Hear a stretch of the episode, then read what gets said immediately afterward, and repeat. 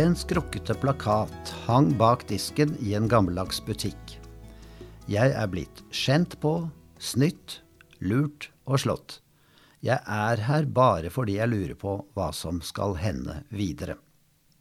Ja, noen hver kan bli frustrert. Det kan føre til et svart syn på alt og alle. Bak slikt fins en ond makt som kalles djevelen.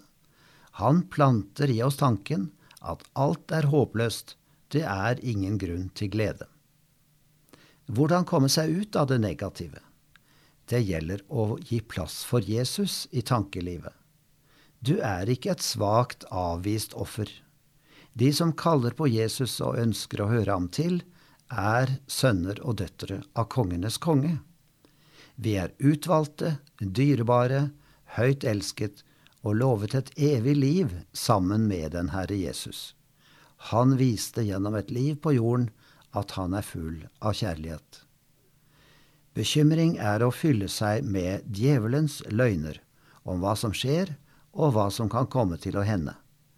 Det gjelder å fylle tankene med Guds gode løfter til barna sine.